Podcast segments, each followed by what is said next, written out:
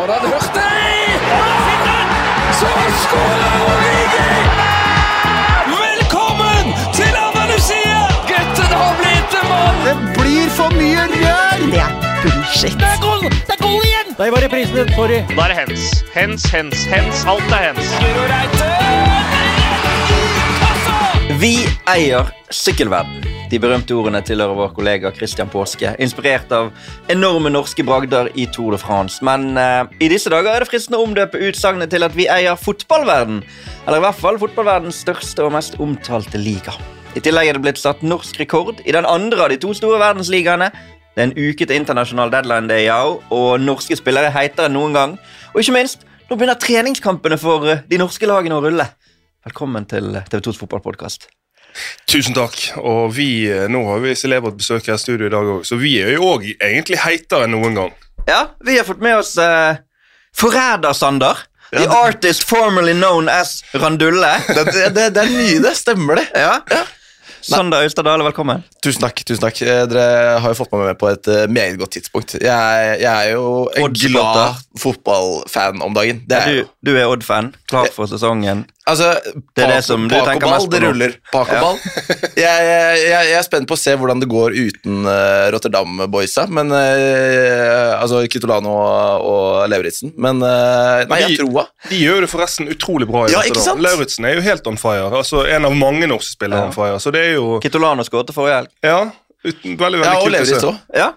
Så begge to i Team of the Week. Så nei, det er, det er, det det er gode tider. Det er det. Det er, det. Det, er vel, det er vel kanskje ikke det du tenker først og fremst på når du sier at det Jo, nei, flyter men for det, deg det det går litt i hånd i, hånd i hanske. det Ja. greiene der. Altså, hvis det går bra med det ene laget, så går det bra med det, med det andre òg. Så eh, det er jo ikke, det er jo ikke fælt å være Arsenal-supporter heller. Eh, Såpass ærlig må man være. Vi skal komme litt inn på dette hvert. Kjapt spørsmål. Hvem eh, ville du helst hatt som stefar av Paco eller Arteta? Ah, slutt med det der, da. Åh, det, altså, jeg, jeg tror Paco er bedre som onkel, og så, og så er Arteta stepdaddy. Eh, Jeg, jeg tror det er en god plan. Høres ut som en god plan. Det, um, nei, vi, vi skal komme litt tilbake til Arsenal og Premier League og litt etter hvert, men vi begynner med norsk fotball. Og det er jo en del som har etterlyst at vi skal bare ha norsk fotball, ja. Men det er jo en ganske enkel måte å løse det på hvis du på en måte er podkastlytter, ikke det? Jo, altså jeg forstår veldig godt de som uh, tuner inn for å høre først og fremst om norsk fotball. Men eh, vi kan jo gjøre det sånn at vi snakker først og fremst norsk fotball. Det er det vi skal inn i nå. Det er de rettighetene vi har, og det er det vi, i hvert fall jeg kan snakke for meg sjøl, det er det jeg gleder meg mest til. Men vi kan gjøre det sånn at vi snakker norsk fotball, også for de som ikke er like interessert i det internasjonale fotballen, så kan de hektes av før vi går inn i del to, som kanskje er da mer internasjonal. Jeg tror det høres gjennomførbart ut, for eh, det er bare å slå av hvis du ikke vil høre mer. Men eh, de som vil ha den internasjonale fotballen, får jo den på TV2s kanaler også. Snart er det Champions League igjen. Det er jo selvfølgelig ikke alle supportere som er med i Champions League, men eh, La Liga herjer det nordmenn i.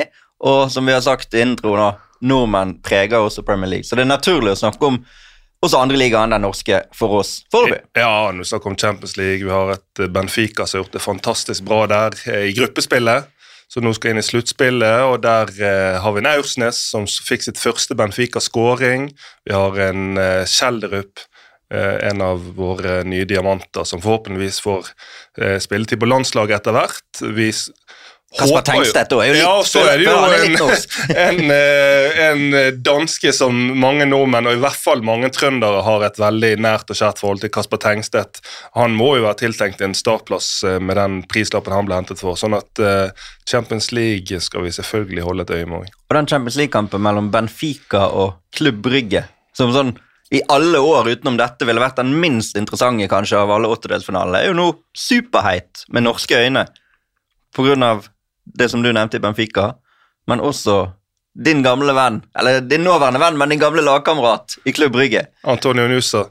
Nå tror jeg ikke at uh, Han startet i helgen, uh, men eh, nå tror jeg ikke at uh, nødvendigvis verken han eller Kjellerup kommer til å få spilletid i sluttspillkampene i Champions League. Det, Vet aldri. er det vet aldri, men om det plutselig skulle stå Kjellerup på ene halvdelen og Nusa på andre, så vil jo det være en fantastisk fremvisning for norsk fotball. Og så er det jo hvis vi tenker da, Vi drømmer jo om at Norge skal kunne komme til EM Tyskland 2024. Det er fortsatt eh, ja, si halvannet år til. Og hvis disse spillerne her, de to spesielt, da, fortsetter den utviklingen de har hatt, så er jo det spillere som må og kan og bør være høyaktuelle for eh, å ta Tyskland med storm hvis vi klarer å komme oss dit. Vi har et stort år eh, foran oss. Champions League begynner i februar. Landskampen, kvaliken, som du nevnte, begynner i mars. Eh, Du er jo en sånn del av gamingverden, Sander. Spiller mye Fifa og Det er jo en sånn norsk bølge som rår. Altså, Merker du det når du sitter og gamer med utlandet? holdt jeg på å si? Altså Om det er Det er jo, det er jo norske spillere som står øverst på ønskelista til folk. Eh, hvis du spiller karrieremodus, eh, eller f.eks. FM. Alle plukker jo opp Sheldrup. Sheldrup har jo ekstremt potensial der. Og FM Scouts, du skal ikke kimse av de. De har treff på ganske mange. ass. Så, så det, er, det er som dere sier. Det er, det er, eh, det er muligheter for at man kan få et eh, bunnsolid landslag framover. Og jeg har trua. Det er mulig at man er, er eh, litt, for, eh, litt for naiv når det kommer til det landslaget. Det har jo, det jo vingla et par år. Men altså nå så syns jeg det er, det er muligheter for å, for å håpe litt. Når du ser eh, Ødegaard trille kule, eh, Erling bøtte inn mål du, du får jo trua. Du gjør jo det.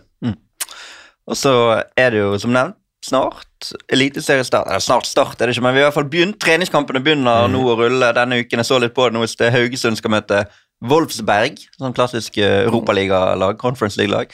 Glimt møter Kalmar, HamKam KFM, Rosenborg Tromsø, Sandnes Ulf Viking annet. Det, sånn, det kribler litt når du begynner å spille kampene igjen. Du er jo, det er lenge siden du ikke skal forberede deg på, på kamp.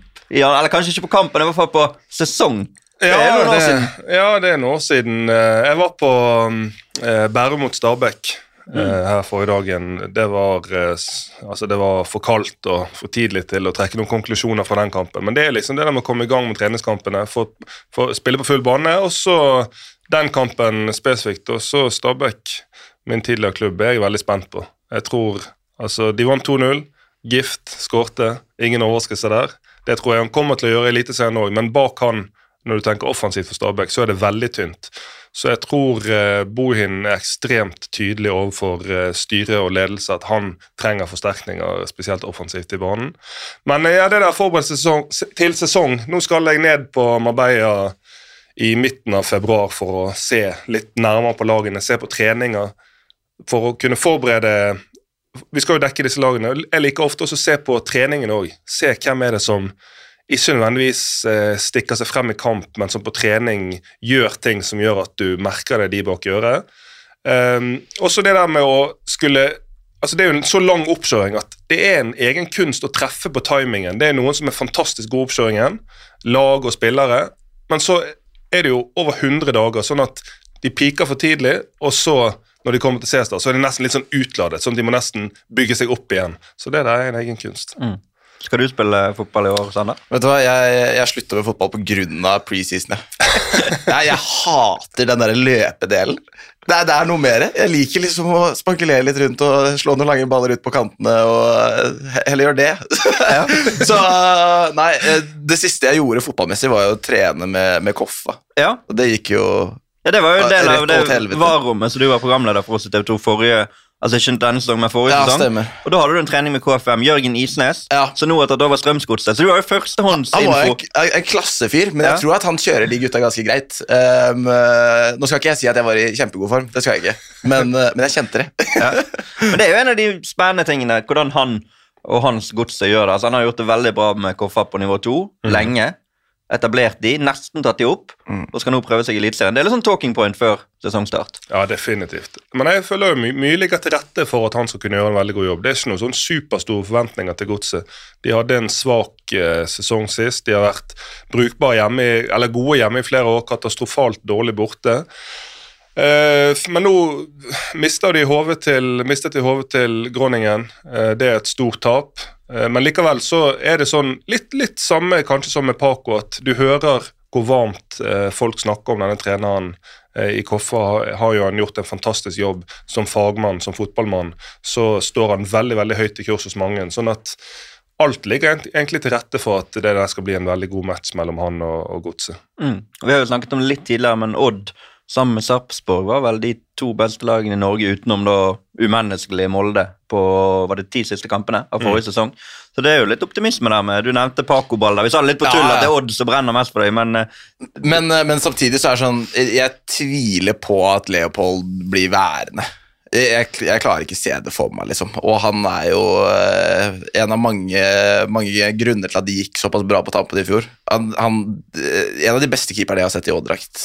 Um, så, så om han blir værende Du sparer jo veldig mye tid på å tenke ut en ny keeper som skal stå der, i hvert fall. Um, men, men jeg klarer ikke se det. Jeg klarer ikke se det. det, det jeg har tatt høyde for at eh, man må begynne å tenke nytt på flere posisjoner. Men jeg syns Odd er gode der. Altså, det er mye, mye bra unggutter i akademiet. Og Nei, det, jeg tror at det skal være mulig å erstatte de aller fleste der. Men det er likevel brutalt altså som Odd-supporter. Du mister Lauritzen, du mister Kitolano, og så klarer de likevel å prestere såpass godt i høst. Og så nå mister du Bjørtuft, eh, si du mister eh, Løpe Valstedt. Så er det, det altså Selv om eh, Paco er en fantastisk god trener, på et eller annet tidspunkt må det bli vanskelig å hele tiden bygge nytt. Spesielt når det er snakk om så gode spillere. Ja, ja, 100 men, men det er det som er greia òg. Hvor mange bomsigneringer har Odd hatt de siste åra? Eh, det sliter jeg med å, å, å telle eh, i det hele tatt. Jeg syns liksom alt har vært brukelig. Eh, man har liksom gått gjennom hele spissregisteret. Sånn, du har gått for noe med hurtighet, noe med tenning, noe med headingferdigheter. Så, så det er liksom sånn man, man, man har vært gjennom hele, hele lista og får det til å fungere uansett. Det, det eneste jeg vil se nå, er Dio, kanskje. ja, ja, men Dio altså det var bare ja, men. Han Han. Han. Han. Men, men hvis han hadde kommet seg i gang, du vet hva Spiller. Spiller. Så. Kastrati må vel være bom. Men Kastrati er gøy spiller, da. Det er liksom vår Diego Costa, og det, det, det koser jeg meg litt med. Så, men, men eh, kanskje bom i forhold til det sportslige. Det kan være enig der. Lagt opp av nå. Blitt del av trenerteam og skal gå den veien.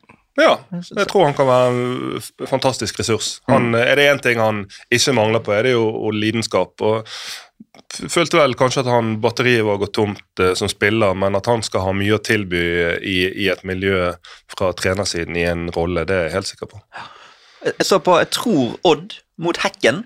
Jeg tror det er den første treningskampen vi skal vise fra Marbella. Uh, altså det er da det liksom begynner.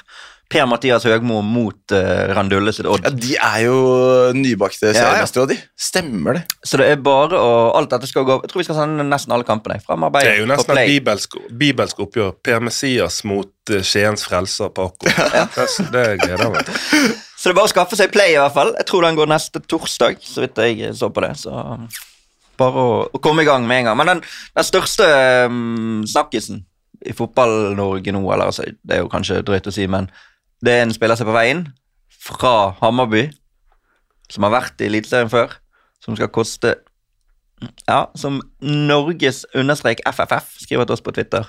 Hva tenker dere om at Norges flaggskip, altså Molde, ser ut til å bruke nærmere 40 millioner på Berisha? Mine tanker sånn umiddelbart er at eh, altså er det smart business? Det syns jeg ikke. For 40 millioner så eh, mener jeg at det skal være mulig å finne noe som potensielt og legg merke til at jeg sier potensielt, det er enda bedre enn Berisha, men det er potensielt. Det som du får med Berisha, er at det er bevist, du vet hva du får. Og i forhold til eh, Jeg tror Molde ser på han spesielt i forhold til eh, presspillet. Du vet hvilken kapasitet han har begge veier. Han er målfarlig. Klarer han å gjenskape det han eh, sto for i Viking, så får jo de veldig god verdi for pengene. Og så tror jeg at eh, Ok, jeg mener ikke at det nødvendigvis er smart business. 40 millioner det er en overpris. Men om det er god business, det vet du egentlig ikke før utpå høsten, når du ser om og hvilke europacupturnering Molde er kvalifisert til. Om de kvalifiserer seg til Champions League og Berisha er en viktig brikke der, er det jo fantastisk business. Mm. Det, er, det er regnestykket. Så vanskelig å konkludere med noe, men eh, eh, det er jo fort gjort, hvis du tenker litt i forhold til alder, og kanskje spesielt i forhold til skadehistorikk, at det kan bli en kjempeflopp. For det at for 40 mil så skal du faen meg levere for å, for å eh, i det hele tatt prestere på pari. Eh, Men så tror jeg kanskje Molde òg så på Glimt i fjor. Der mener jeg at Glimt var en giftig eller en, en farlig spiss unna å spille Champions League. De følte seg altså Av eget ønske så ville jo Boniface vekk. Han ble solgt for eh, 20, par og 20 millioner, og så inn med Salvesen. Og da eh, tror jeg hvis Glimt kunne gå tilbake i tid, tror jeg de lett ville brukt 40 mill. på, på en enda skarpere spiss i, i den perioden. Mm. Men, men er Berisha den internasjonale kaliberspissen? Ser du det? At det er han som skal skyte de til Champions League? Han har jo en voldsom tilstedeværelse, men han er jo ikke en sånn det er ikke en spiller som kommer inn du vet skårer 20 mål i Eliteserien. på en måte. Nei, men jeg tror hans største bidrag er jo liksom uh, summen i et lag. Og det der skulle frispille mot et Molde-lag som har han og som har Christian Eriksen som løper som rabiate bikkjer, det blir ikke enkelt. Så jeg tror nok de har en veldig veldig tydelig plan, og det at de går så steinhardt foran, viser jo at det ikke bare er noe de har trukket opp over hatten. Dette er jo den spilleren de tydeligvis har ønsket seg i lang, lang tid. Og så um, er det jo litt sånn paradoksalt. Det ser ut til at Hammarby erstatter han, eller i hvert fall jobber for å erstatte han med August Mikkelsen. Som er kanskje det heteste salgsobjektet, eller det er kanskje drøyt å si, men ett av de heteste i hvert fall i Eliteserien nå. For sånn halve prisen. Ja, Med større potensial, i hvert fall sånn med tanke på alder og hva de neste årene kan bringe, da. ja. Men så er det vel litt i forhold til situasjonen òg at Molde de, de satser alt. Altså, For å si det sånn, da. Om Molde skulle vinne serien på nytt Du kan nesten garantere at de kommer ikke til å ta, like mye poeng i år som det de gjorde i fjor. og de kommer ikke til å Altså det, det er nesten umulig å få en like god sesong i år som det de gjorde i fjor. Om de skulle vinne et nytt seriegull, så er det ikke sånn at det forandrer så mye på verken drift, hverdag, liv eller ettermæle til verken spillere eller klubb. Sånn at selvfølgelig er det fint å vinne serien en gang til, men det har de blitt såpass vant til at de går steinhardt for Champions League. Det er alt som betyr noe for de, for å sette litt på spissen. Og da kan jeg forstå Berisha til 40 millioner, selv om jeg tror at det skulle vært mulig å få enda mer verdi for pengene andre steder. Vi snakket litt om Odd, eh, Sander, men sånn, hva, er, hva er ditt forhold til norsk fotball? Altså, hvor tett eh, For å legge litt ord i munnen på deg, hvor tett kommer du til å følge det nå når det er tilbake på TV2s kanaler i 2023? Altså, Jeg er født og oppvokst med det, um, og det sier jeg helt upartisk. Jeg, jeg, er, ikke, jeg er ikke kontraktbundet til TV 2 nå heller, um, men jeg, jeg gleder meg til å se det i den drakta igjen. For uh, det var da jeg fulgte med tettest, uh, når det var et TV 2-produkt. Jeg, hadde sesongkort i tre-fire år på, på Odd, um, og det, det var liksom sånn de, de gode 2000-åra. Det var eh, spillende trener Martin Andresen og Kjetil Rekdal. Liksom. Det, det, det, det mimrer jeg godt tilbake igjen på. Så, så jeg kommer til å følge med tett nå. Um, også fordi jeg syns at Eliteserien er et undervurdert produkt. Jeg liker liksom den den ehm, hva skal man si, kjærligheten til, til litt, litt mindre polert fotball. Eh, du ser liksom eh, stjernene i Premier League som, som er, er litt, de er litt prippende og, og glatte på det. Så, så, så jeg, jeg syns det er liksom et mer jordnært produkt som jeg, som jeg, som jeg liker. Det, det eneste er bare at man, man må være villig til å sette seg inn i det. Jeg kjenner jo det på, på min generasjon, så er det mange som bare går til Premier League eller eh, La Liga eksempel, istedenfor å bare se rett forbi Eliteserien. Men jeg husker jo den eh, sesongen til Odd når det ble tredjeplass og, eh, og Europaligaspill og, og, og hele den pakka der. Og det er kanskje noe av det som jeg ser mest kjært tilbake igjen på som fotballsupporter. Det var bare så forbanna gøy, og det er det jeg syns er veldig gøy i forhold til eh, Bodø-Glimt-supportere òg, som får oppleve det sirkuset eh, det er å følge den klubben der nå. da. Eh, liksom banker Roma og, og det, er et godt fotballag, liksom. Um, og Molde-supporterne som har opplevd for faen òg. Helt sykt. Det, der, det er kanskje den beste eliteseriespilleren jeg har sett. Bare synd for han at Chelsea kjøper liksom fem andre spillere i samme vindu. Det er helt tullete. Det er farlig å altså, gå til de aller største. Det er alltid et, eh, en vanskelig greie. Du så når Martin Ødegaard gikk til Real Madrid. Det er så det er så mange om ballen, og nå Chelsea er jo en egen diskusjon. Der er det jo volleyball. Ja, bare helt kaos. Men jeg syns du er inne på noe der. altså Det der med norsk fotball kontra andre ligaer, det er avstand versus nærhet. Mm. Og det som jeg føler på nå som ekspert, men jeg har jo vært eh, support, altså når jeg var liten var supporter av Brann, og, og enda før det var det jo Fana. Da gikk jeg på kamper i andredivisjon, og eh, når jeg var, da var 14 og var på kamper i, i andredivisjon Fana, trodde jo jeg slash følte jo jeg at dette var det øverste nivået, dette var drømmen. Men det, Ja, men det med- var det jo. Det var bare Ja, drømmene ble justert. Ja, drømmene ble justert, sant? Men det der med nærhet er jo òg, som jeg kjenner på nå som ekspert, tidligere som supporter, og egentlig begge deler nå, er jo at du kan faktisk påvirke. Sånn I Norge er det ikke lenger avstand enn enn at hvis du, eh, Sander, sender melding til Steffen Hagen på, i et eller annet forum Kan ikke dere være snill og prøve å gjøre Så kan det hende at du til og med får svar. Altså, De hører på eh, supportere, basically. Og, Ja. det, og det det, altså, jeg, jeg skylder jo en god del til liksom, tidligere rådspillere. Det er sånn, Nordkveldet ble jeg med og, og lekte med, med meg når jeg egentlig ikke hadde noe å vise til. Så det er sånn Ja, og det, sånne historier. Ja. Tror det er mange rundt om i Norge som har altså den nærheten at de har hatt en eller annen opplevelse på klosshold med spillere, med trener. De har hatt, altså, jeg vet jo Odd gjør det, men andre klubber også arrangerer jo sånne supporterforum der du kan komme på en eller annen lokal eh, kro, Mm. Og, og de forteller om sine planer. Supporterne kan si 'vi er ikke fornøyd med sånn og sånn'. Den nærheten den får du ingen andre steder. og det synes jeg evn, altså Muligheten til å påvirke, og for oss i media, muligheten til å være med, bidra til diskusjon, enn å bare resirkulere og videreformidle ting som er sagt og skrevet, det er noe helt annet. Skjønner han har vært lenge i Danmark når den, den lokale kroen er der man skal Nei, men det er, Jeg vet ikke hvor de sitter i, i Skien. Ikke på kroen. Jo, det er, det er Jo, ikke langt unna. jeg Jeg, jeg, tror det er Lundetangen de sitter på. Ja, altså. jeg si hvorfor jeg kom på det, for jeg vet at Odd eh, og Paco i fjor, Det var i fjor der de arrangerte sånn fotballfaglig kveld. Ja, de hadde, om ikke flere, Ja, tror jeg. Der, der det var altså med fokus på det taktiske, for de som er taktisk interessert, kunne komme, og det var på en kro, jeg er ganske sikker på, kunne komme på den lokale kroen og sammen med Paco høre hans tanker, diskutere taktisk. Og eh, altså, Si hva du vil, det er flott og fint, eh, Arsenal gjør det godt, men jeg tror ikke du får sitte på kro med Arteta og diskutere spillsystemer med det første. Jeg tror nok du er inne på noe der. Du, du er nok det. Um, sånn, Vi har snakket litt om de spillerne som er ute Eller de salgsobjektene som har vært. Men sånn, i Eliteserien nå det er veldig mange unge, lovende, fremadstormende spillere som vi håper vi får beholde. Altså, det går jo rykter rundt flere av dem. Nå er det en uke igjen av det internasjonale overgangsvinduet. Vi skal ha sending på deadline day. Vi sitter og forbereder det litt allerede i år. Mm.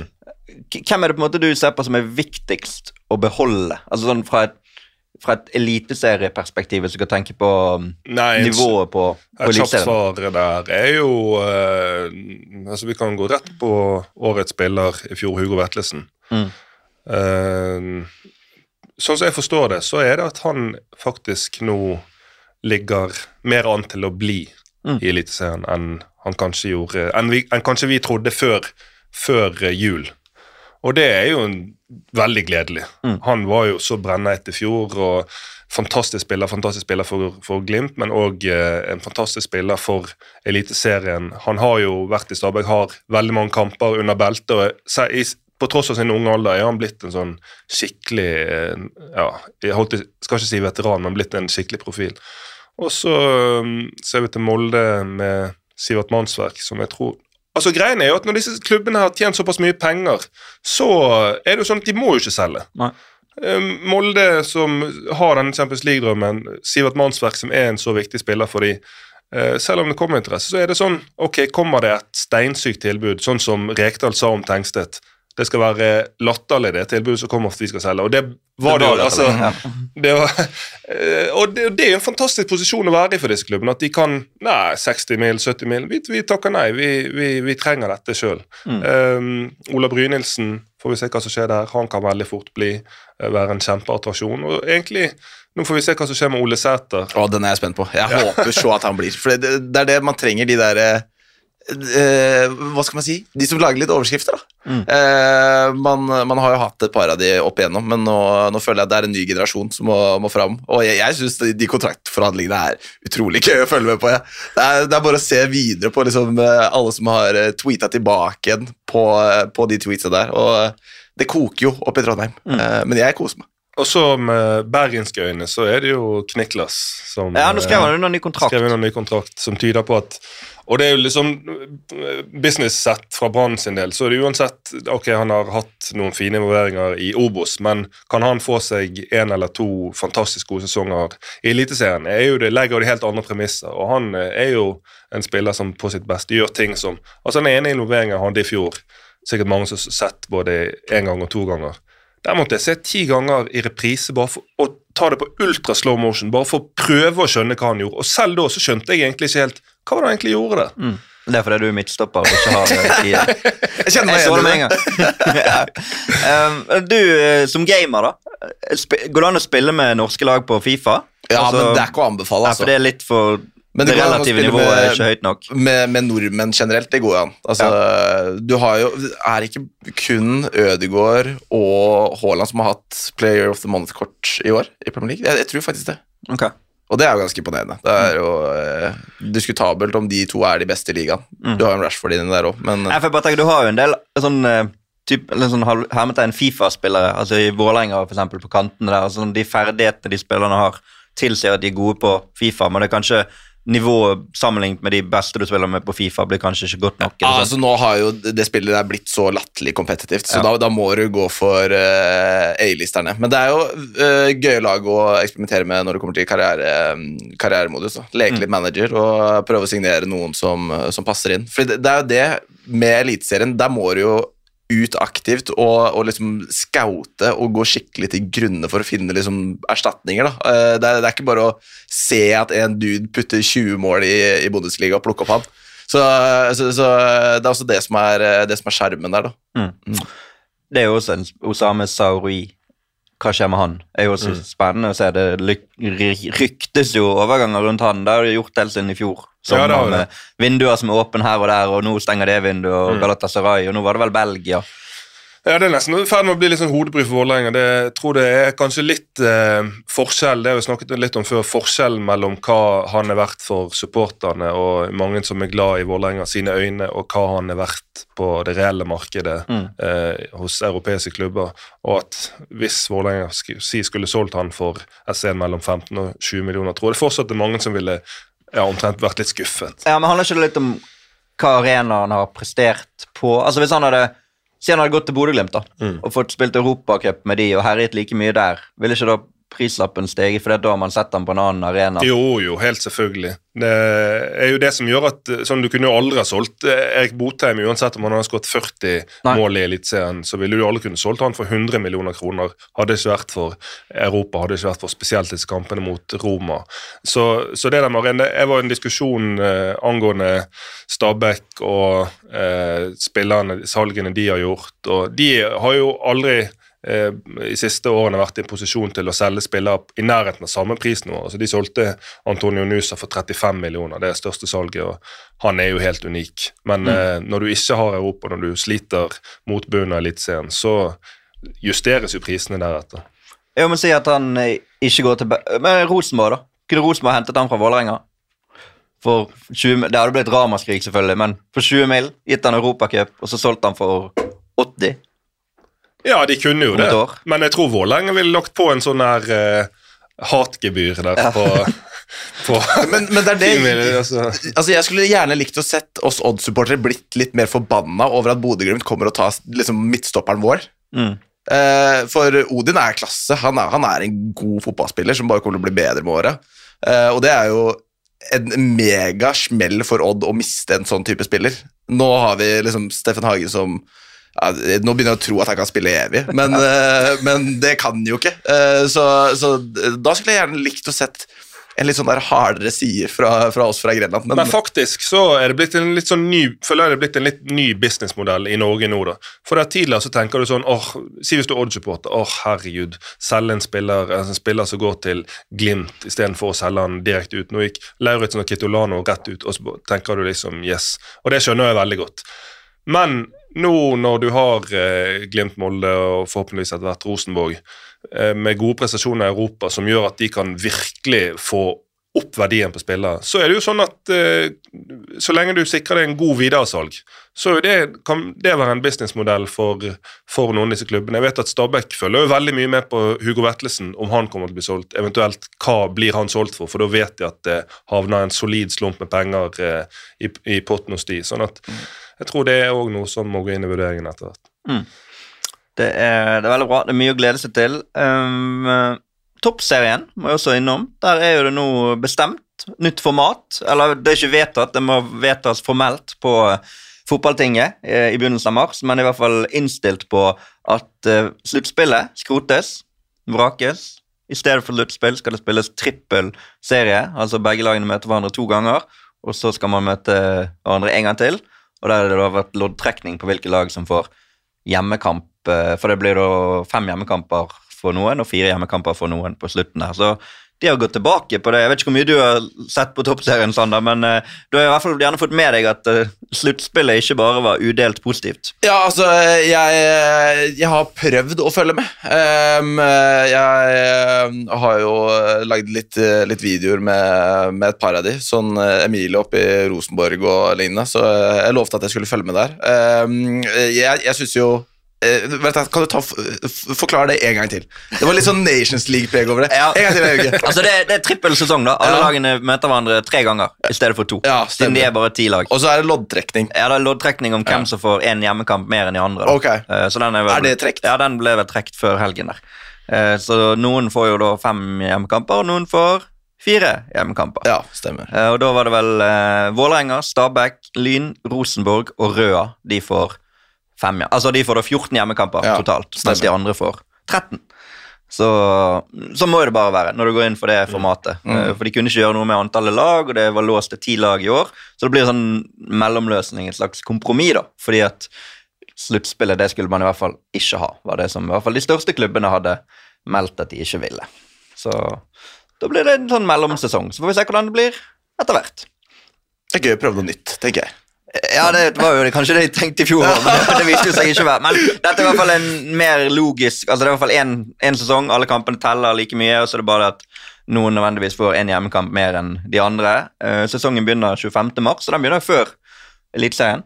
Mm. Så det er på en måte det, de første offisielle kampene på våre kanaler blir jo Toppserien. Vi har jo Toppserien nå også, Ja. så det er bare å glede seg til det. Andrine Hegerberg kom tilbake til norsk fotball etter vi hadde vår forrige episode. Profiler er jo noe man trenger både på herre- og kvinnesiden, og et sånt navn vil jo automatisk generere interesse. Uh, Ja, jeg tror det er sårt tiltrengt for Brann. De har mistet ekstremt mye profiler mm. til store klubber i utlandet. og det er jo, det er jo eh, testamentet til hva, hvor gode de har vært og hvor godt de har jobbet. Men, eh, men eh, selvfølgelig viktig å få, få noen inn igjen òg, for å, at det ikke skal bare være eh, unge og umeritterte igjen. Og så er det da, i lys av alle de treningskampene vi nevnte i sted, kan si at Åsane Brann møtes på fredag klokken fem på Åsane Arena. Så det er en anbefaling hvis du har lyst til å se litt live fotball eh, denne uken her.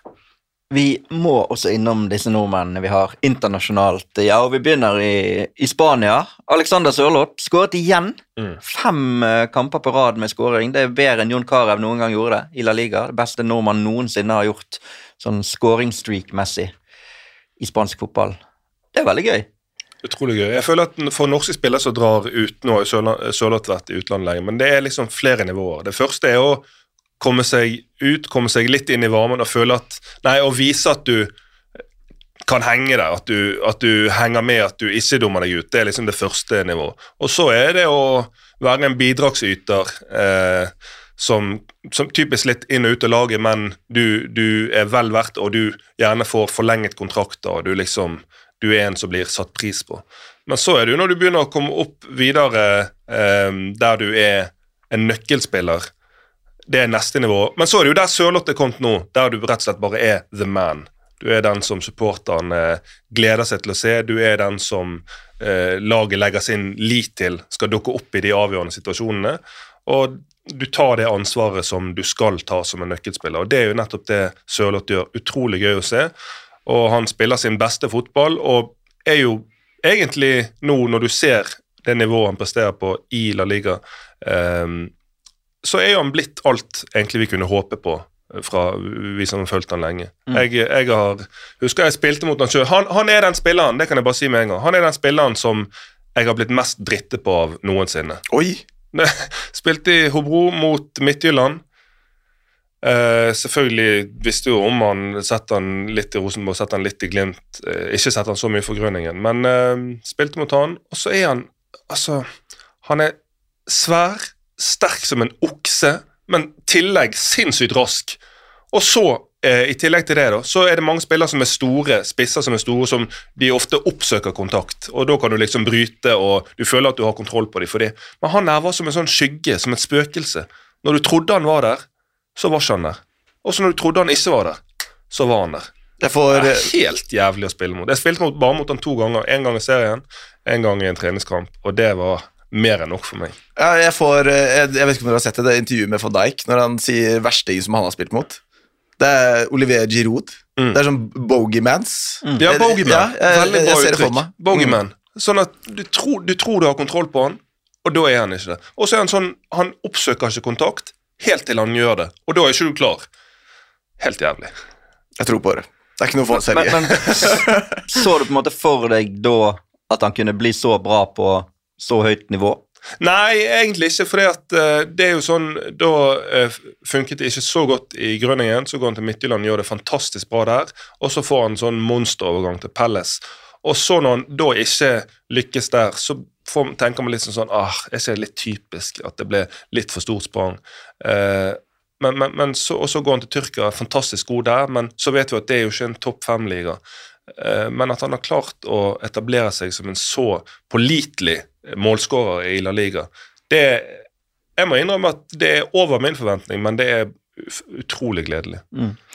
2-0 borte mot Rayo Vallecano i helgen for Sociedad. Fem strake seire de er oppe på, på tredjeplass, eller det var de for så vidt før runden også.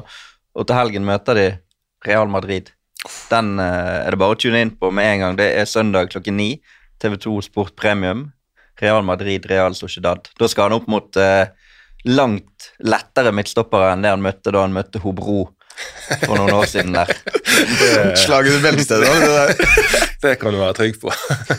Nei, det blir, det blir, tøft for han, det også, tror jeg. Men har han fått sånn fisk, sånn som Martin Ødegaard fikk i Sociedad en gang? Ja, det, han bør jo få det. Ja, det var månedens spiller. Han får sikkert den nå, da. Ja. Månedens spiller i januar 2023. sånn- 2023. Ja, da blir det fisk. Ja, det, det blir noe pescado på. Ja, det blir det. Blir det. Og hvis du eh, varmer opp med en annen nordmann, så er det Jørgen Strand Larsen og Selta mot Atletic Klubb 1830 på søndag også. Så der er det sånn norsk spissbonanza.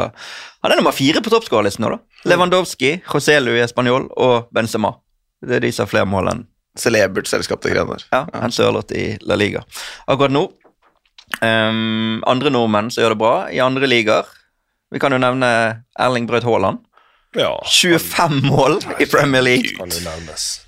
Hat trick igjen i helg. Og det er sånn det, det er nesten så mye ikke legg...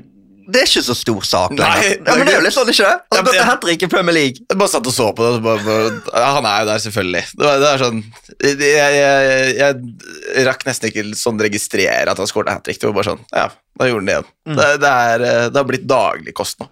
Etter en eh, ja, Hvor mange dager før var det? Før Tottenham-kampen så begynte folk å snakke Ja, han gjør City dårligere, og han er måltørke Ja, det er og, ja, men det var jo, ja, men det var jo helt reelt. Det var jo folk som mente det i fullt alvor. Jeg synes jo Det må være sånn inspirasjon i livet til oss alle. at Bare tenk at ok, om du får kritikk, bare tenk at uansett hva du gjør, så vil det finnes noen som vil kunne prøve å finne noe å ta deg på. Du kan stå med 4000 mål på en sesong, og likevel vil noen kunne si ja, men de flyter ikke like bra.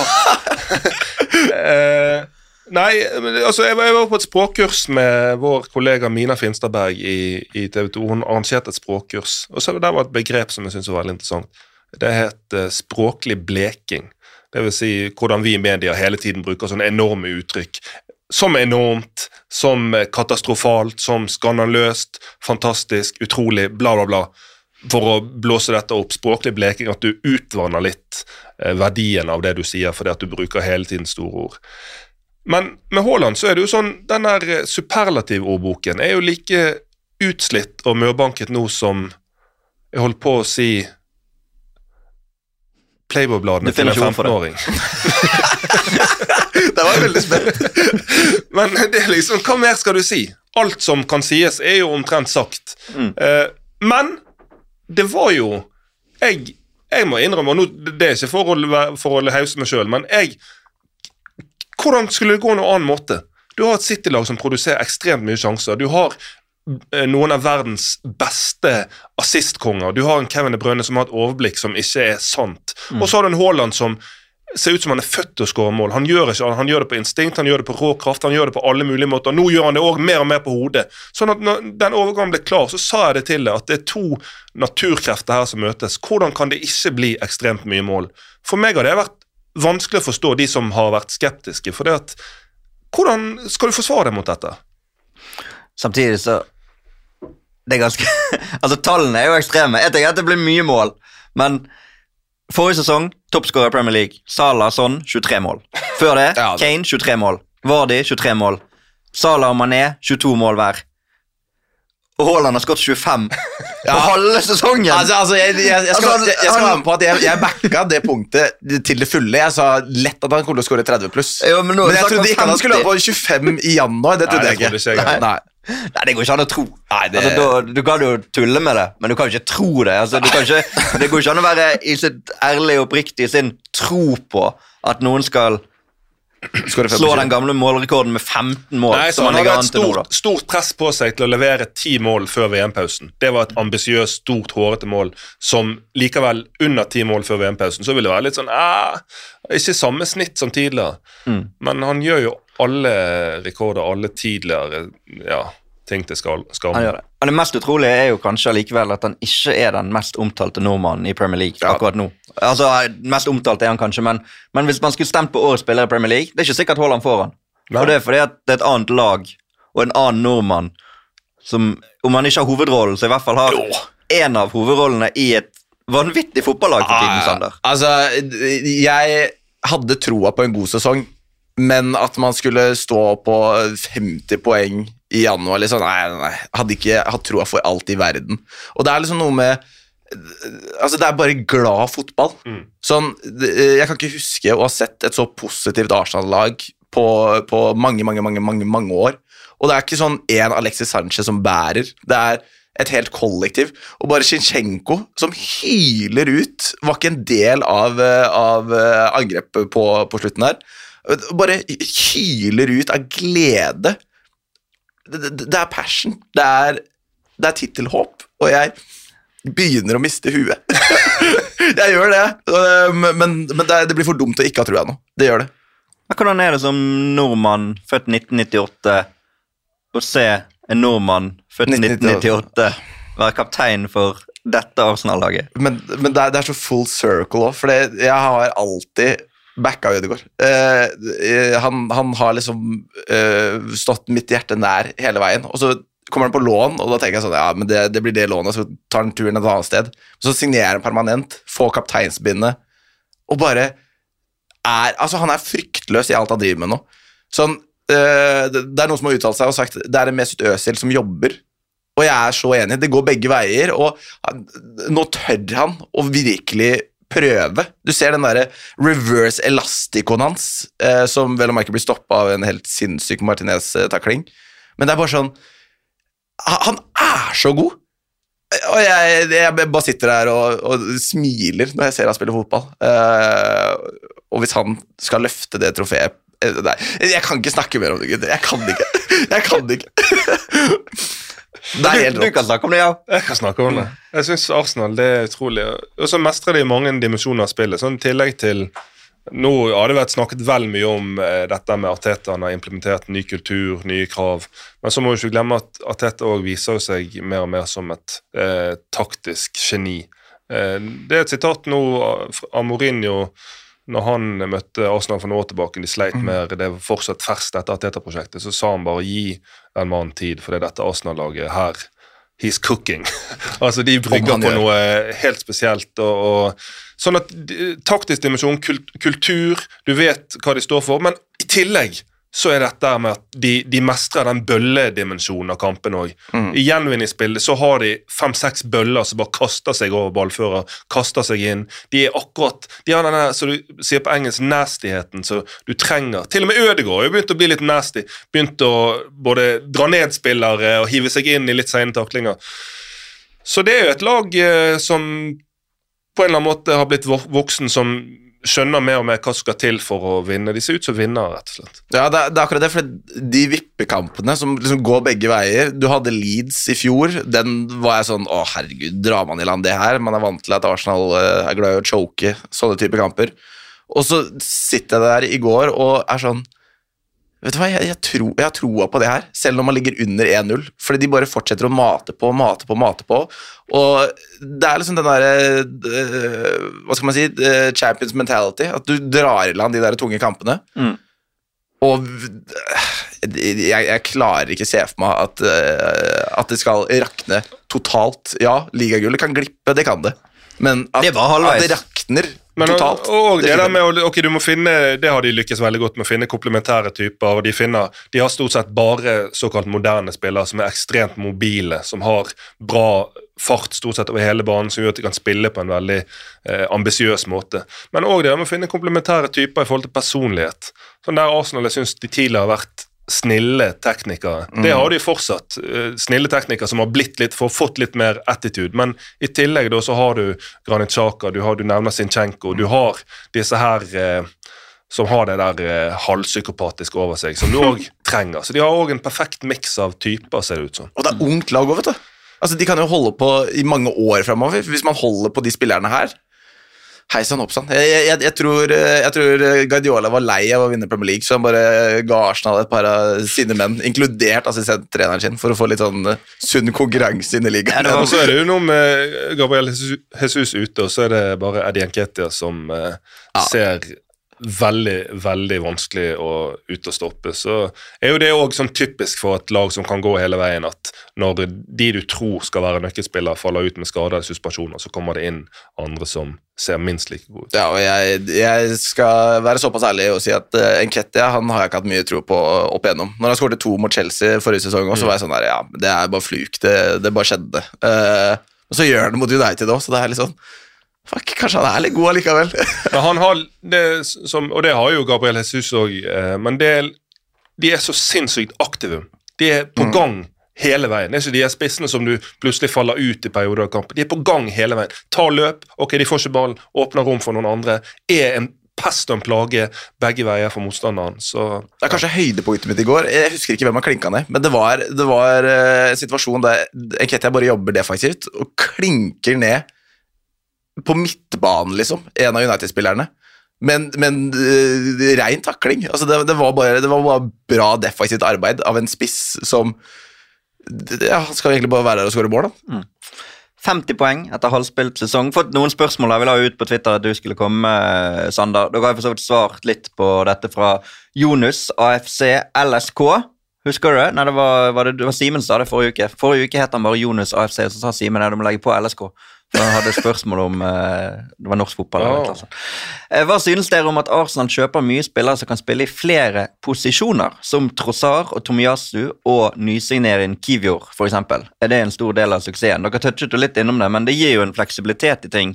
Eh, hvis eh, Sjaka er ute, for eksempel, så kan Chinchenko like rett spille der, og så kan Tierney spille back, for Ja, eksempel. og så, eh, nå skal man ikke skryte for mye av Ben White. Gårsdagens kamp var vel kanskje en av de svakeste fra hans sitt ståsted. Men eh, at han skulle spille høyreback, liksom, eh, det, den så ikke jeg komme. Så, så det, det, er, det er den fleksibiliteten du nevner, at uh, man, man, ha- man har en dybde i Arsenal-troppen nå som, uh, som man ikke har hatt tidligere. Um, og Shinchenko hva er det han ikke kan spille? Han er jo overalt på den banen der, og eh, kanskje det viktigste leddet i det Arsenal-laget. Ut ifra mine, mine tanker. Mm. du har jo sånn som vi har nevnt Ødegaard og hele gjengen, men eh, det er en dødsviktig signering. Og du ser jo at City sliter jo akkurat på den fronten der, så gavepakke. Takk skal du ha, Pep. Ruben André Norvik har sendt et par spørsmål her også. Um, det første er på en måte Vær ærlig, Sander. Var det offside på 3-2? Jeg er helt ærlig ikke sikker. Ja, jeg er United-fan, men prøver å se situasjonen som nøytral. Og der er det vel sånn at Når du har VAR nå, så var det jo, da var det jo ikke offside. For da ville du blitt dømt på. Altså, Jeg tror ikke United skal være første United-supportere skal være de, de første ut av blokka på å melde på offsider uh, ut fra de siste seriekampene. Um, eh, den mot City er, det er en av de rareste situasjonene jeg har sett. Så, så Av og til så går det imot, av og til så, så får du det gratis. Jeg syns jo å huske at den mm, eh, Martinelli-avblåste skåringa mot United på Old Trafford, den var jo litt debatable, den òg. Så la oss si 1-1, da. Da er vi even.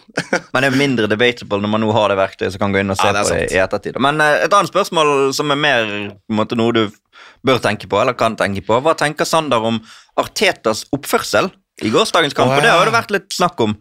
Uh, måten han er på på Ja. sidelinjen. Altså, det, det var jo også noen bilder av Ten Hag som var utafor boksen og sånt. Eh, nå skal jeg jo være såpass ærlig og si at eh, Arteta var jo mer aktiv. Det var han jo. Eh, men jeg syns jo den tenninga er bra. Det var som et old school United mot Arsenal-oppgjør, de greiene der. Um, Og det er klart at man blir ivrig, det er jo det. Um, jeg personlig skjønner ikke hvorfor det blir haussa så ekstremt opp. Han fikk et gult kort, fortjent. We move. Der er jeg egentlig. Move on. Ja, men også sånn der Jeg syns vi skal være veldig Ha stor eh, Hva skal du si Være veldig åpen for at trenere klikker og er bajaser. For det at den jobben de har, og den jobben de gjør jeg, Nå som fotballekspert er jo min jobb ofte å kritisere trener for disponering av valg de gjør, men det er en helt det har enorm respekt for det, for det treneryrket. For det, Tenk det presset. Det er nye ting situasjonen hele tiden. Det er nye ting du kan få kritikk for. Du skal ta ut en, ikke bare én spiller, du skal ta ut en hel elver fra kamp til kamp til kamp. Jeg skjønner ikke egentlig helt hvem er det som orker å bli trener. Ja, det det. Og, Og alle jeg tror at de som- Ja, og jeg tror at de som orker å bli det jeg tror at for å bli, Hvis du ser gjennom de aller største trenerne, kanskje med unntak av Angelotti, han er en Kalmar-laks Men hvis du ser gjennom de største Du må ha noen psykopatiske trekk for å kunne Ja, ja. overleve som trener. Altså, det, det- det som jeg er veldig spent på å se, er å se om den manken til Arteta blir værende. Det er jo det er et uh, yrke som involverer mye stress. Så hvis den er perfekt tre år fram i tid, da syns jeg han kan uh, være enda mer ivrig på, på sidelinje. For da, da, da er det noe han ikke gjør helt riktig. Ja. Hvis ikke får han bare gå til Rob Holding og Altså, det, er, det er mange som har tatt, uh, tatt en tur eh, til, eh, til Tyrkia for å fikse opp i den helleinen i det Arsenal-laget. Kanskje det er det som er suksessoppskriften. Ja. Med hår så får man tilbake en eller annen mojo, så Ja, at man flyter med på Det er vanskelig å vite. Uh, det er for så vidt ikke Arsenal, men ehm, Real Brady Hangeland, av Aroserader, skriver til oss. Kan dere snakke litt om Eddie Howe og Newcastle? Det er jo for så vidt en trener som ikke har den psykopatiske Som vi vet. Som vi vet om. Jeg har fått han til å synge a-ha på Stjernens helgequiz, så det kan hende han har noe i seg. Eh, Men han skriver i hvert fall vanvittig sportlig sesong så langt, men kan det holde helt inn? Tendensene til Howie Bournemouth var jo like, hvor det i perioder var veldig bra, etterfulgt av lange taps uavgjorttrekker. Venter en slik formdupp for Newcastle. Og det er jo for så vidt interessant for Newcastle-supportere, men det er jo vel så interessant for supportere av disse store klubbene som Tottenham, Mm. Liverpool, Manchester United. For så vidt Brighton har jo meldt seg på det, men de som kommer bakfra. Mm. Er det håp for disse klubbene at Newcastle eller Manchester United slipper opp her? Hva tror du? Nei, Begge lagene er jo inne i en positiv trend. og Så er det sånn vanskelig å sammenligne Howie Bournemouth med Howie Newcastle. For Mm. han har jo tilgang på noen helt andre ressurser nå i Newcastle. Eh, og med, med de ressursene som Newcastle og City spesielt har, eh, så er det jo sånn at du forventer at de skal komme styrket ut av ethvert overgangsvindu. At du tenker at hvert sjette, hver sjette måned så skal de da komme styrket ut av det relativt sett til alle de andre, fordi at de har så sinnssykt mye mer penger. Og så ser jeg Newcastle istedenfor å gå i den der klassiske nyrikfellen og bare hente det som jeg kaller for Robinho-signeringer, så har de hentet riktige typer. eh, eh, De har hentet komplementære typer og ferdigheter og lykkes godt med det. Så det ser ut som et sånn maskineri som kommer til å være en, eh, en maktfaktor i all overskuelig fremtid. Mm. Og nå spesifikt for denne sesongen så kommer jo, som vi var inne på, Champions League for disse andre klubbene, men ikke for Newcastle. Nei, det er det er også jo et element. Det er definitivt òg et element. Så um, For er det jo egentlig større utfordring, eller mer spennende, syns jeg, å se når om hvis eh, Newcastle skal i gang med Champions League. Eh, mange spillere og for en klubb som overhodet ikke har noe særlig erfaring med det, så er jo det et helt nytt sirkus, og du skal balansere det mot Premier League. Så ser jeg for meg at du plutselig vil kunne se et litt eh, fall, eller ja. Vært inne på overganger, jeg snakket om nasjonale overganger, men en av de store overgangene i europeisk fotball er jo din mann, som du har spilt mot, som vi så du var ute med en liten tweet der etter han eh, kom inn til sin Premier League-debut mot Liverpool i helgen. Modric. Yes. Mikhailo Mudrik. Nei, eh, det er utro. det er en liten verden. Jeg husker vi spilte mot han på Hobro. Når du er på disse treningsleirene, så møter du av og til noen bra lag, men de Vi møtte Sjaktar, dette var i januar 2019. Og det er jo sånn at de, altså de reiser på treningsleir med 45 mann og bruker disse kampene. De hadde en ny treningskamp senere samme dag, så det sier jo litt om hvor mye de legger i det. Men eh, så husker jeg det var en unggutt, midtskill, bleket midtskille, som tenkte "Å, helvete, han var god. Og det var ikke det at han skårte noen spektakulære mål. Jeg tror kampen endte 2-1, men det var 0-0 til pause. Det var ikke det at han liksom var sånn Men du bare ser på detaljene. Du ser alt fra mottak til måten han vekter pasninger Måten han løper på det, Jeg tenkte på et eller annet bare Faen, han her er jo et sånn han er jo en annen skapning. Han hører ikke hjemme i dette habitatet. Og så husker jeg at jeg bare etterpå kampen bare, Hvem var han? der? Tok et screenshot av den transformat-profilen hans. Bare, han her skal jeg følge med på. Så så jeg at han hadde sinnssykt mye følgere på Instagram. Han var liksom Sjakta sin Wonderboy. Og så glemte jeg han. Og så nå når jeg så han i Champions League eh, nei, Ja, eller han begynte å eh, melde seg på eh, nå for Sjakta før overgangen, og nå når han gått til Chelsea, så var han her igjen. Så da kunne jeg trekke fram dette klippet der jeg inne og takla han. Ja, deilig. Å, det var deilig. Nei, Han så veldig kvikk ut når han kom inn. Eh, Jeg syns det er tidlig å bedømme det. Og at han skal se bra ut med den summen Chelsea har betalt for han, skulle jo egentlig bare mangle. Men det blir veldig spennende å følge. Mm. Vi skal snakke litt mer om eh, overgangsmarkedet neste uke, og, og Chelsea spesifikt. Vi har vært touchet innom det nå at det, det er vanskelig å stable det laget. da. Eh, Altså, Hvis du hadde skulle spille Fifa med Chelsea nå, hva formasjon hadde du gått for da? Det er, da hadde jeg modda spillet og putta inn 15 i stedet for. En start 15-er. Det, det hadde jeg gått for. Men, det, det, altså, Snakke om hodebry i forhold til managere. Eh, Potter, hvordan i alle dager skal du stable det greiene her? Det, det, det, jeg skjønner ikke hva de, hva de driver med. Uh, altså det, det er jo panikkjøp over hele rekka. Den Mudrik-dealen Jeg er fortsatt bitter over det. Det, det er bare sånn overby for å overby, typ.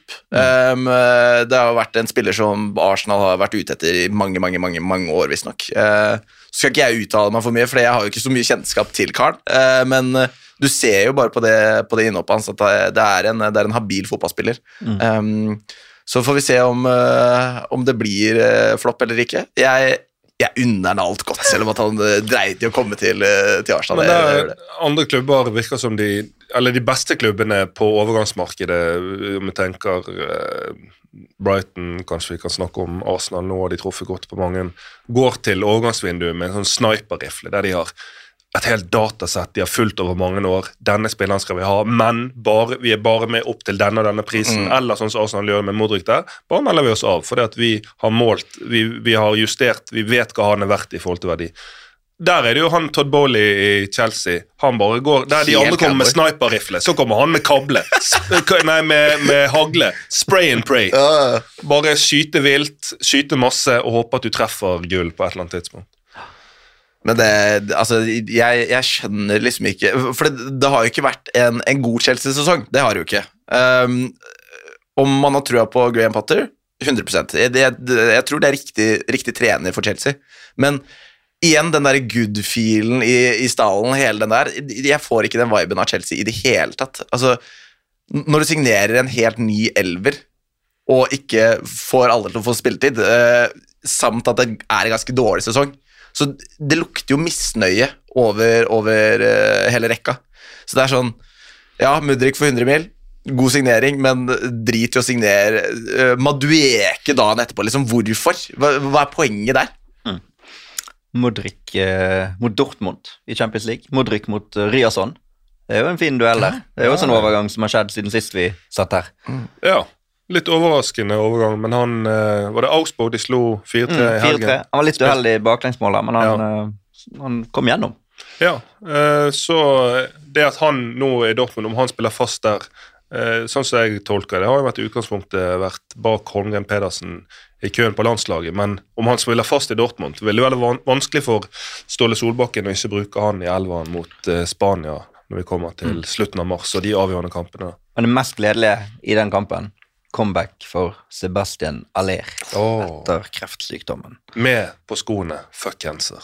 Og med oh. ungen ute på banen etter kampen. Sånn. det, det er fint. Det, sån, sånne historier gjør jo at man får litt troen på den internasjonale toppfotballen igjen også. At du på en måte Ja, det er mye som er jævlig der, men når sånne ting går bra, så, så kan man på en måte embrace eh, de øyeblikkene. Jeg må innrømme, når jeg ser sånne klipp Ser sånne Sånn som han som har hatt kreft, kommer inn i garderoben. Jeg har sett noen klipp andre spillere som har hatt kreft, og hele garderoben har eh, klippet av seg håret. og Sånn.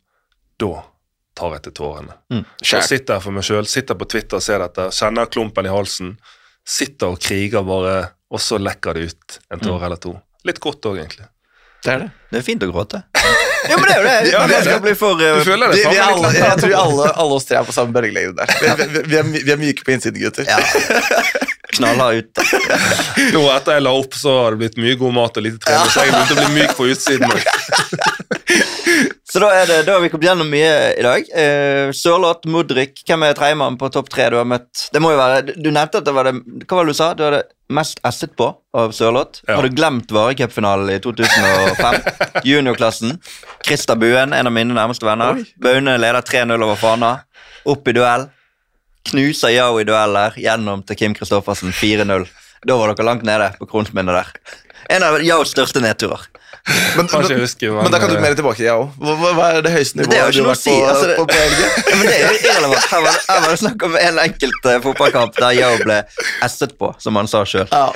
Så den må vi lov å trekke frem med jevne mellomrom. Nei, men det er veldig bra. Um, Brage Bernersen, uh, som var med oss sist og snakket om Lyn, har stilt et spørsmål. Eller skrevet egentlig en oppfordring. Snakk om Juventus, som mistet 15 poeng. Og det er klart at det er jo en stor, stor sak i, i internasjonal fotball uh, siden sist vi var her. Og Juventus har jo ikke hatt den sesongen vi hadde håpet og trodd på. En stor Nei, altså. klubb, en enorm klubb. Ja, og så er det bare trist. Det er jo ikke så lenge siden Calciopoli-skandalen, og at det Juventus som er i miksen igjen, er jo bare trist. Og det er jo Det som kommer fram, er jo Er ikke det kriminalitet? Rett og slett. Rett Jo, altså det er jo Kriminelt. jo, Det er vel, dingles vel noe fengselsstraffer er det snakk om òg. Ja, det vet man jo ikke hvordan disse straffene blir. der, Det kan jo ha ringvirkninger for andre også. altså Fabio Paratici, som nå er sportsdirektør i Tottenham, er jo også involvert. der. Det er snakk om to års utestengelse fra fotball for han. Hvordan påvirker det han og Conte og relasjonen der, uten at den Det hadde nok vært verre å takle for Tottenham-supporterne i vår da, enn det er nå, hvis det liksom dingles med ting der. Men sånn Altså, når man, når man eh, kan få 15 poeng Eller de har vel allerede fått 15 poeng. De hvis du Ja. ser på oppdaterte tabeller nå, så er vel Juventus nede på, på midten av tabellen. Så eh, Juventus hadde en dårlig sesong sportslig, men så gjorde de det plutselig veldig bra. Mm. Kom helt opp igjen, var nummer to og liksom inn igjen i Champions League. Men nå risikerer man jo å havne utenfor Champions League Ja, nå- som et resultat av dette. Det kan jo bli anking, det kan bli mye forskjellig her, men Ja, er de er allerede ute av årets Champions League. Ja, renommé, merkevare, det andre gigantskandalen på relativt eh, kort, eller i hvert fall i nyere historie. Så er jeg veldig spent eh, på Juve overgangsvindu. Vi har jo Du står jo i regien for Deadland Day-sendingen. Og Ja. det, om det blir sånn der eh, eh, lagersalg av Juve-spillere De har jo noen fantastisk gode fotballspillere.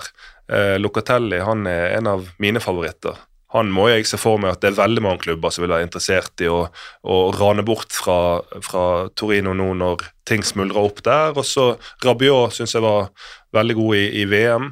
Selv om han har en trøblete mamma, så er han en strålende fotballspiller. Du kan ha utrøblete sjæl heller. Så jeg kommer til å følge veldig godt med på de inn mot eh, Deadland Day-sendingen vår. Og det, altså det, bare for å ta det, De er anklaget for at de har solgt spillere for høyere summer enn de egentlig er verdt. Morata. Eh, Ja, for eksempel. sant? Altså det, det, det er på en måte da Er det penger under bordet, er det én ting, men er det på en måte spillerlogistikk, ulovlig regnskapsføring, hvordan har dette på en måte kunnet foregå uten at det har blitt tatt tak i før, men det er en sak som har vart lenge, dette, og nå er straffen kommet. Da, Mm. sant? Og så er det jo det bygger jo litt opp under det narrativet kanskje en del har, i hvert fall sett fra utsiden, at italiensk fotball, det er juks. Altså, ja, det er jo det som er litt trist. Og så blir det jo selvforsterkende når du ser eh, gang på gang.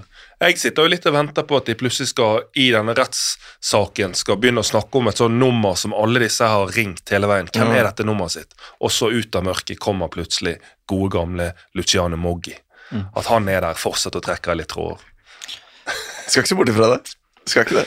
Nei, for nå er det jo sant, Vi nevnte Paratici, men så er det han Agnelli, tidligere presidenten. Nedved er involvert her. Kan få lange straffer. Om det er akkurat hva de straffes med, men i hvert fall at de forsvinner fra fotball. Mm. Og at uh, det kommer til å bli Men en ting som skal sies, som er et litt sånn poeng Kanskje, Nå skal ikke rettferdiggjøre noe kriminalitet, eller noe sånt, men det er jo Jeg føler vi ser litt på de triksfiksfakseriene som Barca har mm. drevet litt med. Men jeg føler at og nå var det jo oversikt over Premier League er jo blitt så stort i forhold til pengebruk. Bruker så ekstremt mye penger at det er nesten som de andre storklubbene i Europa, i de andre ligaene Slipper unna.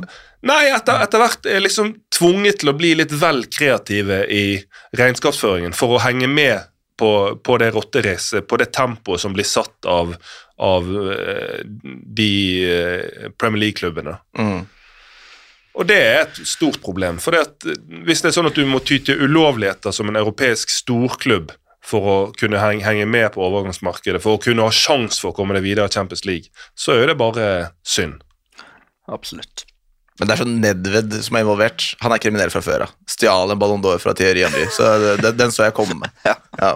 Det er jeg enig i. Det er en av, de, eh, en av de som aldri burde Eller en av de som aldri fikk en gullball, Ja. som burde fått Thierry Henry. Eh, På onsdag klokken 11 på TV2 Play, vet du hva som skjer da, ja? Det er trekning av Final Four i Nations League. Oi! Dette Nations League som ingen vet hva er. Final Four. Vet du hvem som er med? Vet, vet dere hvem de Final Four er? Uh, nei. Det er Nederland, Italia, Spania og Kroatia. Det skal trekkes eh, hvem av de som skal møtes. For det er jo, Nations League er jo ikke bare en backup for VM-plass, det er også en turnering i seg sjøl. Vært avgjort, vunnet to ganger før. Hvem, vet du hvem som vant? Hvem som har vunnet Nations League før? Nederland? Nei. Nei, var det Portugal Nederland? Portugal, ja, stemmer. Ja. Portugal vant den første i 2019, og så vant Frankrike i Ja. eh, 2021. Nations League-quiz. Det er vanskelig, merker jeg. Hvem er toppskårer i Nations League denne sesongen? Oh, Si det første navnet du tenker på når du tenker toppskårer. Haaland? Ja. Oi, ja, ok. Serr? Ja, ja. Ah. Han, Ja, han er ikke toppskårer i Champions League nå, for der hvilte han jo på slutten. Ja. Han er toppskårer i Premier League, toppskårer i Nations League. Blir sikkert toppskårer i Champions League òg. Han og Mitrovic. Seks mål hver. Men der er det i hvert fall uh, trekning. Onsdag klokken 11 på TV2 Play, for dere som elsker å se trekninger. Det er jo noen som har et sånt treknings, trekningsgen. Ja, varme kuler. Mm. Ja, ja. Sist gang, ja, før du um, Eller da du var i, i USA, Mm. så begynte vi med noe nytt i podkasten. Og Vi hadde med oss Brage, som fortalte om Lyn, og hvorfor vi burde komme og se på de i 2023. Og Han ga jo på en måte stafettpinnen videre og ønsket at andre skulle eh, gjøre det samme. Så i dag så har vi fått med oss fra andre siden av landet, fra vår side av landet, Ruben André Norvik, som følger Åsane. Velkommen. Takk, takk. Det er deilig å høre litt vestlandsk eh, uten at det er oss sjøl som snakker, ja. Ja, veldig deilig. Og så skal folket vite at Åsane de har Norges jeg vil si kanskje norgeshistoriens vakreste supportersang. Den heter 'Martyrer på Mydalgress'. Ja. Er det den heter? Den synger du, Ruben. Den, den synger jeg med full hals når den kommer på, ja. Det, det er ikke noe tvil om. Så jeg liker den veldig godt. Det er jo Eirik Østgaard som har laget sangen nå. Keeperen til Ja. Åsane. Faktisk, Til dere som hører på Dere er gjerne på Spotify allerede idet dere hører på podkasten. Idet den er ferdig, gå inn, søk opp 'Martyrer på Mydalgress'. Fantastisk fin Mm. sang. Noter meg det. Ja, gjør det. Men, men er det sånn at den synges på tribunen på Åsane Arena, Ruben, eller er det den Æ, Ø, Åsane som klinger der? De, de, altså, de går litt om hverandre. Ja. Uh, ja, de går litt om hverandre, men de fleste, de, jeg tror de fleste liker den ma- 'Martyrer på Myrdal gress', siden det er den de kan mest. Ja, den er jo helt rå. Men du, hva, hva, hva tenker du om Åsane i år? Eh, Det er jo Er det, er det bare herrelaget deres, eller er det damelaget òg som du ser på? Det er jo et 2023 med et Åsane-lag i toppen av norsk fotball i, på både herre- og kvinnesiden. Mm. Nei, eh, mm, nå har det seg sånn at jeg prøver å følge begge to så tett som mulig. Så eh, jeg holder jo på med en supporterklubb her på Instagram og Facebook som jeg i, i all hovedsak dedikert til både herrene og damene. Så eh, jeg ser veldig mye fram til eh, den nye sesongen i forhold til eh, toppserien og Obos-ligaen. Så eh, kjempespent. Obos-ligalaget, der er jo det livet etter Kåre Ingebrigtsen. Jeg vet ikke om det Det var jo ikke sånn enormt mye sportslig forbedring, i hvert fall i hans periode i klubben. Så det, det er kanskje ikke det som er viktigst for dere, hvem som har vært eh, i den delen av lokalene der ute. Nei, det det er vel mest hvem som har prestert på banen. og eh, altså Framtoningen og spillestilen til Morten Røsland som, mest, eh, som man kan se mest av på, på bane til taktikk og spillelogistikk, vil jeg nå si. Mm. Men eh, det har vært veldig fint å ha Kåre Ingebrigtsen inn i en sånn stilling for å utvikle klubben og bydelen i, i all hovedsak, for å få liksom et sånt stort navn til Åsane. Men hvem, hvilke, hvilke spillere både på herre- og på damesiden er det vi skal se opp for? Hvilke spillere er det du eh, syns at folk skal komme til Myrdal Gress for å se nærmere på? Ja, eh, altså nå har vi jo en kraftspiss i Erling Myklebust. Han, han, er jo, han er jo voldsom i forhold til å bidra til laget og skåre mål og skøye og heie. Og eh, både han og så har du disse tre nye nysigneringene. Ole Hetle Nilsen, eh, Jakob Bolse og Magnus Brun Hansen, som har, som har kommet nå nylig som, eh, som man, man får mye bra i forhold til at Jakob kommer fra Post Nord-ligaen, og han ble kåret til ble kåret til årets unge unge spiller eh, der. Så jeg ser veldig fram til å få sett mer av han, og hva han kan tilby eh, i samråd med f.eks. Eirik Vollensten i bakre rekker. Eh, ja, med Martin eh, Ueland, da, kaptein.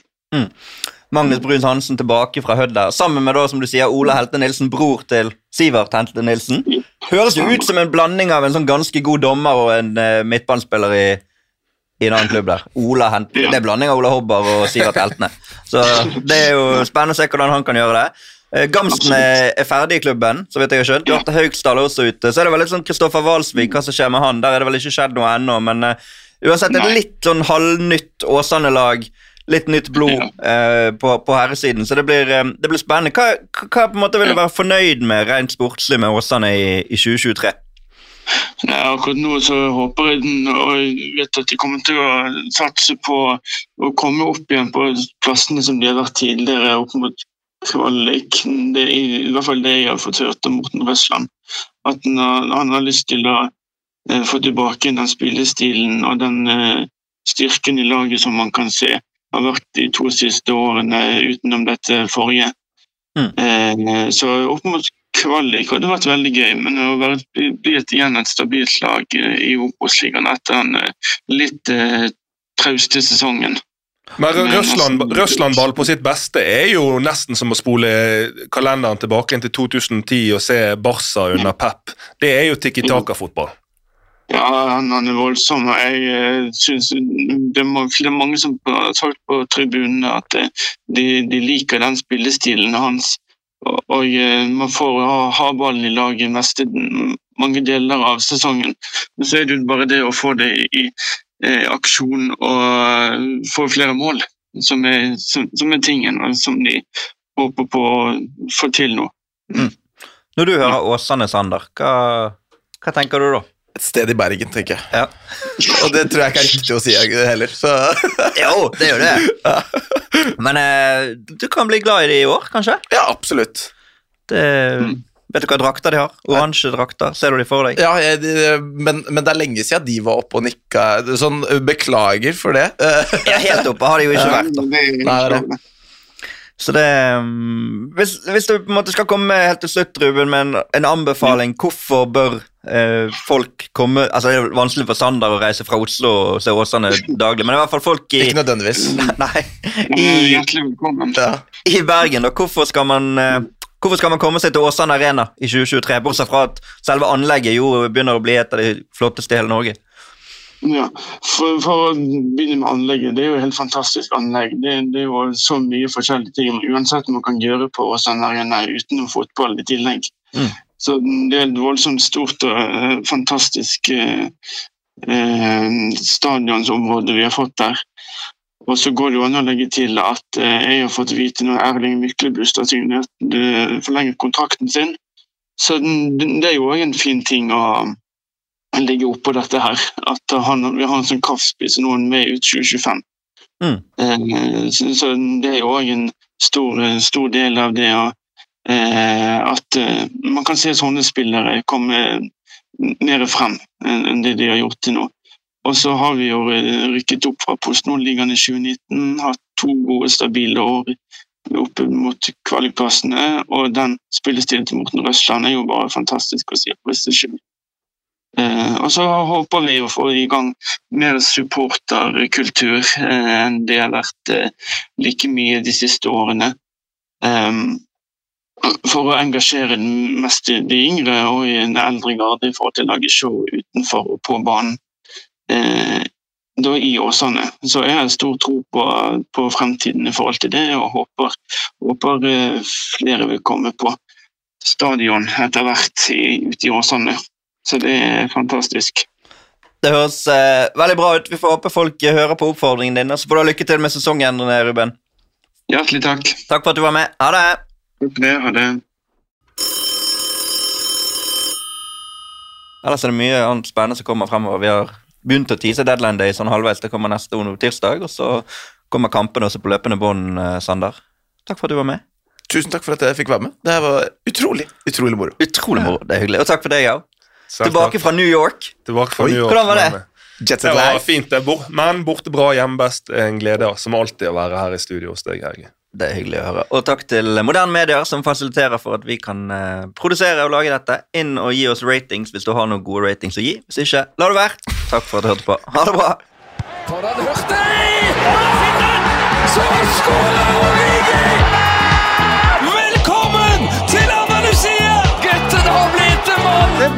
For mye rør! Det er bullshit. Det er goal! Det er goal igjen! Der var reprisen. Sorry. Da er det hens. Hens, hens, hens. Alt er hens.